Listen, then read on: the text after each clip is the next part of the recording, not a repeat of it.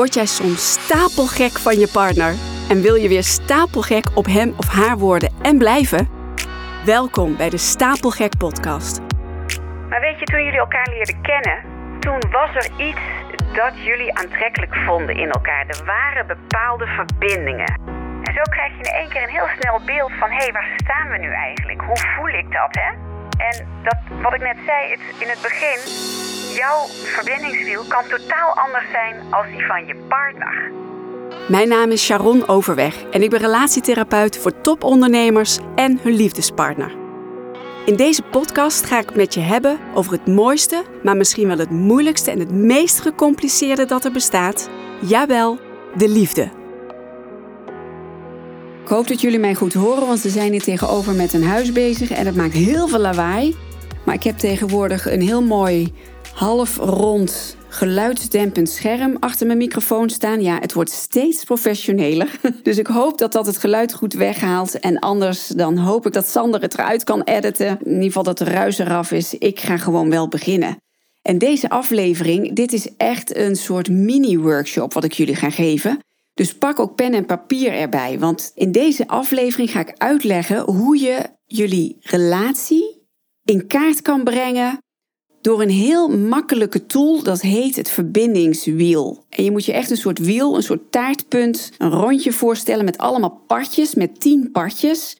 Met allerlei soorten verbindingen. Want jij kunt je op verschillende manieren verbinden met je partner. En het is heel leuk en inzichtelijk als jij dit zelf doet. En ook heel mooi als jouw partner dit ook gaat doen, zodat jullie dit achteraf kunnen bespreken. Ik beloof je, dat wordt een heel mooi gesprek. En het laat zien van hé, hey, waar staan we nu en waar willen we naartoe? Wat gaat al goed in onze relatie en wat heeft er nog aandacht nodig? En jullie zullen zien dat jullie allebei een heel ander wiel gaan maken. Dat is heel mooi om die naast elkaar te leggen en de verschillen te bekijken. Maar goed, dat ga ik later uitleggen. Maar weet je, toen jullie elkaar leerden kennen, toen was er iets dat jullie aantrekkelijk vonden in elkaar. Er waren bepaalde verbindingen. dat, dat zal ongetwijfeld een fysieke verbinding zijn geweest, een fysieke aantrekkingskracht. Maar dat kunnen ook hele andere verbindingen zijn geweest. En nou ja, mensen veranderen, de wereld verandert, jullie business verandert, alles verandert, jullie kinderen. En jullie relatie is ook aan verandering onderhevig. Relaties veranderen gewoon elke dag. Dat kan niet anders, want jij verandert ook elke dag. Soms ontwikkelt de een wat meer, soms ontwikkelt de ander wat meer. Als jullie samen een beetje zo het gelijke pad bewandelen, dan is dat natuurlijk allemaal wat makkelijker. Maar met dat verbindingswiel krijg je dus heel mooi inzicht in, ja, wat bindt jullie op dit moment? En zijn jullie daar tevreden over? Nou, ik gebruik het verbindingswiel heel vaak. Uh, niet altijd, maar het is een hele mooie tool om aan het begin van een traject inzicht te krijgen in waar mensen staan voor mijzelf als relatietherapeut, maar ook voor mijn cliënten zelf. Nou ja, laat ik beginnen te noemen welke verbindingen er zo al zijn. Er zullen er misschien meer zijn, maar ik heb het altijd over tien verschillende soorten verbindingen. Oké, komen ze. En schrijf gerust mee, maar ik zal ze ook in de show notes uh, nog even vermelden maar ik zal ze ook per verbinding goed uitleggen. Nou, allereerst heb je een emotionele verbinding. En die uit zich in tal van aspecten als vertrouwen, veiligheid, wederzijds respect, waardering, intimiteit. dus ik heb het hier over intimiteit in de zin van dat je alles aan elkaar durft te vertellen zonder dat je bang bent dat je af wordt gewezen of dat er een oordeel op zit. Openheid, plezier, zorgzaamheid, humor, een gevoel van saamhorigheid, dat is echt emotionele verbinding. Voor heel veel relaties is het heel belangrijk natuurlijk om je emotioneel verbonden te voelen. En dat geeft ook een gevoel van veiligheid. Hè? Als jij de deurtjes van je hart kan openen en gewoon jezelf kan zijn en je uit kan spreken met wat er in jou is en, de ander luistert naar jou, dan geeft dat een emotionele verbinding, dat je je gezien en vooral gehoord voelt.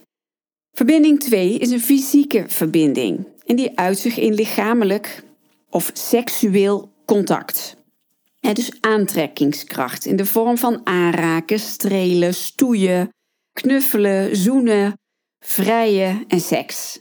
nou, die spreekt voor zich fysieke verbinding, fysieke aantrekkingskracht. De derde, recreatieve verbinding. Die uit zich in het delen van dezelfde hobby's of dezelfde dingen leuk vinden om te doen of te ondernemen. dus bijvoorbeeld fietsen of naar het theater gaan, Lekker uit eten, muziek maken, een spelletje doen. recreatieve verbinding.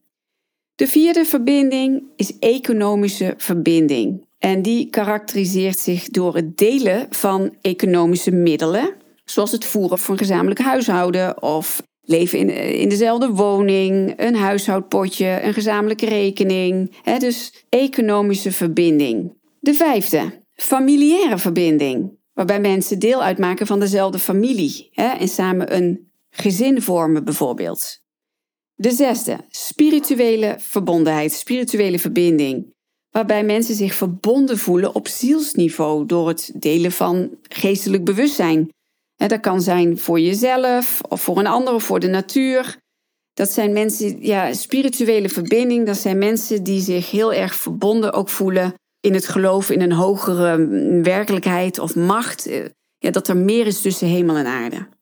De zevende, een intellectuele verbinding. En die ontstaat door het delen van, ja, van specifieke kennis, intellect, hè, waarbij men elkaar uitdaagt en uh, van elkaar kan leren. Dus dat je op een bepaald intelligentieniveau op dezelfde golflengte zit.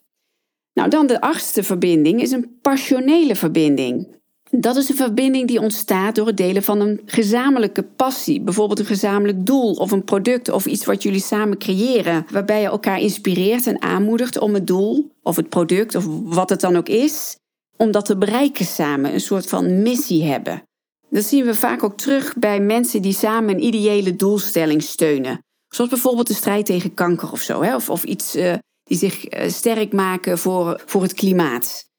Dus dat is een passionele verbinding. Dan hebben we negen, een culturele verbinding, waarbij stellen zich verbonden voelen door deel uit te maken van dezelfde cultuur. dat, dat kan een, geloofsovertuiging zijn of eh, dezelfde achtergrond, omdat je samen uit een bepaald land komt. omdat je dan samen de gezamenlijke gewoonten hebt, normen en waarden. Dat kan een hele sterke verbinding zijn. En dan tien is, een, is misschien wat lastig om uit te leggen, maar dat is een esthetische verbinding. Dat is een verbinding waarbij een stel samen geniet van bijvoorbeeld de schoonheid van kunst bijvoorbeeld. Of ja, mooie huizen, mooie gebouwen. dus dat je heel erg kan genieten samen van schoonheid van dingen.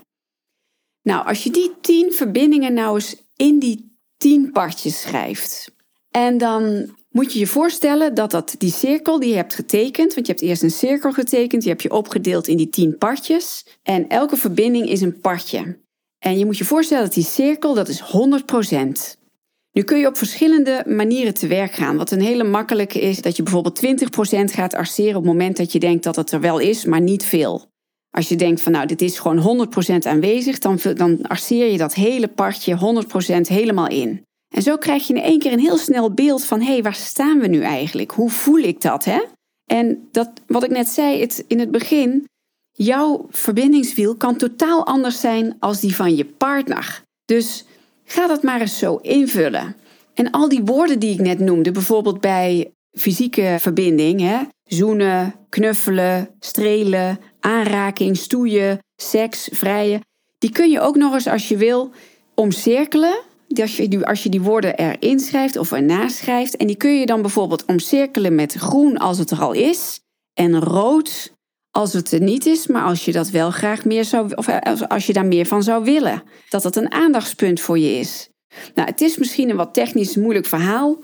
Als je hier vragen over hebt, laat het me weten. Want ik leg het hier nu, ik probeer het zo helder mogelijk uit te leggen. Maar ik kan me voorstellen dat het wat duizelt. Luister me anders nog een keer, nog een keer deze podcast.